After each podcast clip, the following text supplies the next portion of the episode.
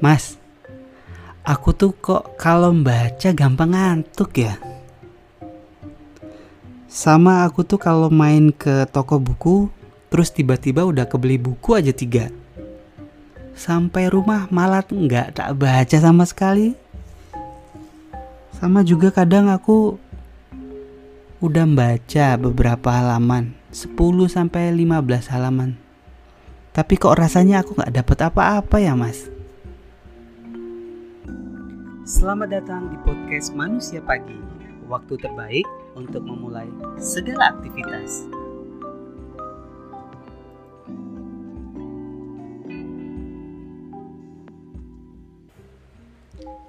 Jadi, dulu juga pernah mengalami hal yang serupa.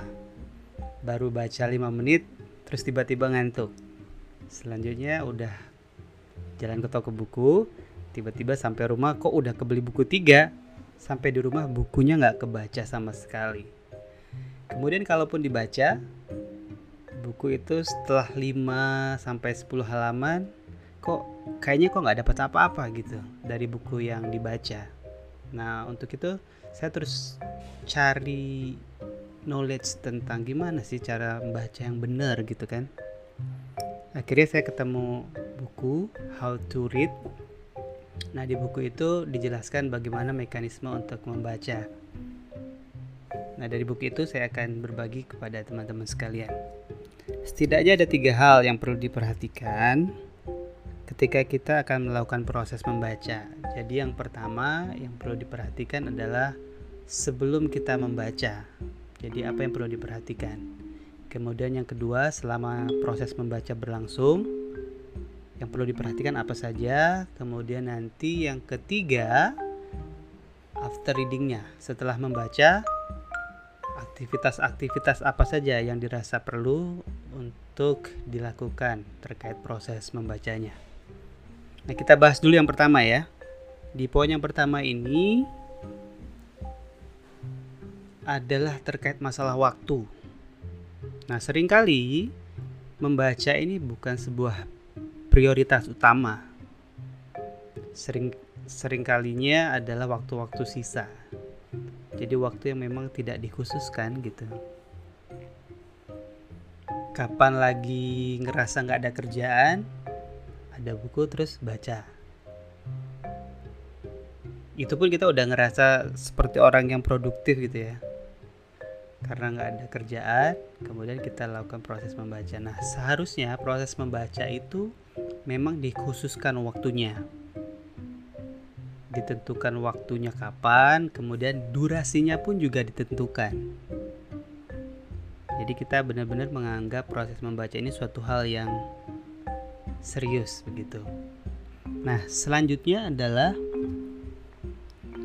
nanti kita perlu perhatikan juga hal-hal yang mungkin akan mengganggu proses membaca kita. Jadi singkirkan semua hal yang yang kemungkinan akan mengganggu proses membaca kita. Nah, coba teman-teman amati, yang paling sering terjadi itu yang mengganggu kita selama proses membaca apa? Nah, kalau saya pribadi, itu adalah notifikasi dari sosial media ataupun handphone gitu ya. Intinya terkait dengan internet. Artinya yang harus saya lakukan adalah mematikan semua koneksi yang terhubung dengan internet selama durasi waktu yang sudah saya tentukan di awal. Nah, tipsnya untuk teman-teman yang baru memulai untuk proses membaca, menikmati bagaimana proses membaca, mungkin ada baiknya setting waktunya diatur dulu yang singkat. Katakanlah 5 menit 10 menit. Nanti teman-teman coba rasakan. Nanti kalau sudah mulai nyaman boleh ditambah lagi waktunya tujuannya apa durasi waktu yang tidak terlalu lama ini agar kita merasa nyaman dulu jadi kalau sudah merasa nyaman, nanti durasi waktu itu bisa kita tingkatkan perlahan-lahan. Nah, itu untuk di bagian pertama yang harus diperhatikan jadi apa tadi? Yang pertama adalah tentukan waktunya. Kapan? Nah, kalau saya pribadi, saya lebih senang setelah subuh. itu waktu di mana akal kita lagi fresh kan lagi seger-segernya jadi semua informasi akan terserap dengan mudah begitu.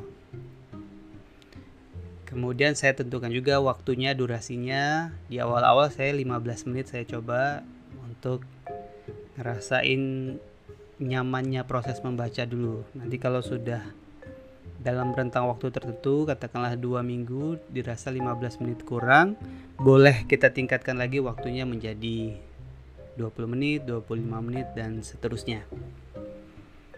Nah tadi di awal kita juga udah bahas nih kenapa kok 5 menit 10 menit baca mulai kerasa ngantuk? Nah ada beberapa hal yang perlu diperhatikan juga barangkali sebelum membaca Coba cek deh, teman-teman apa yang dimakan sebelum proses membaca.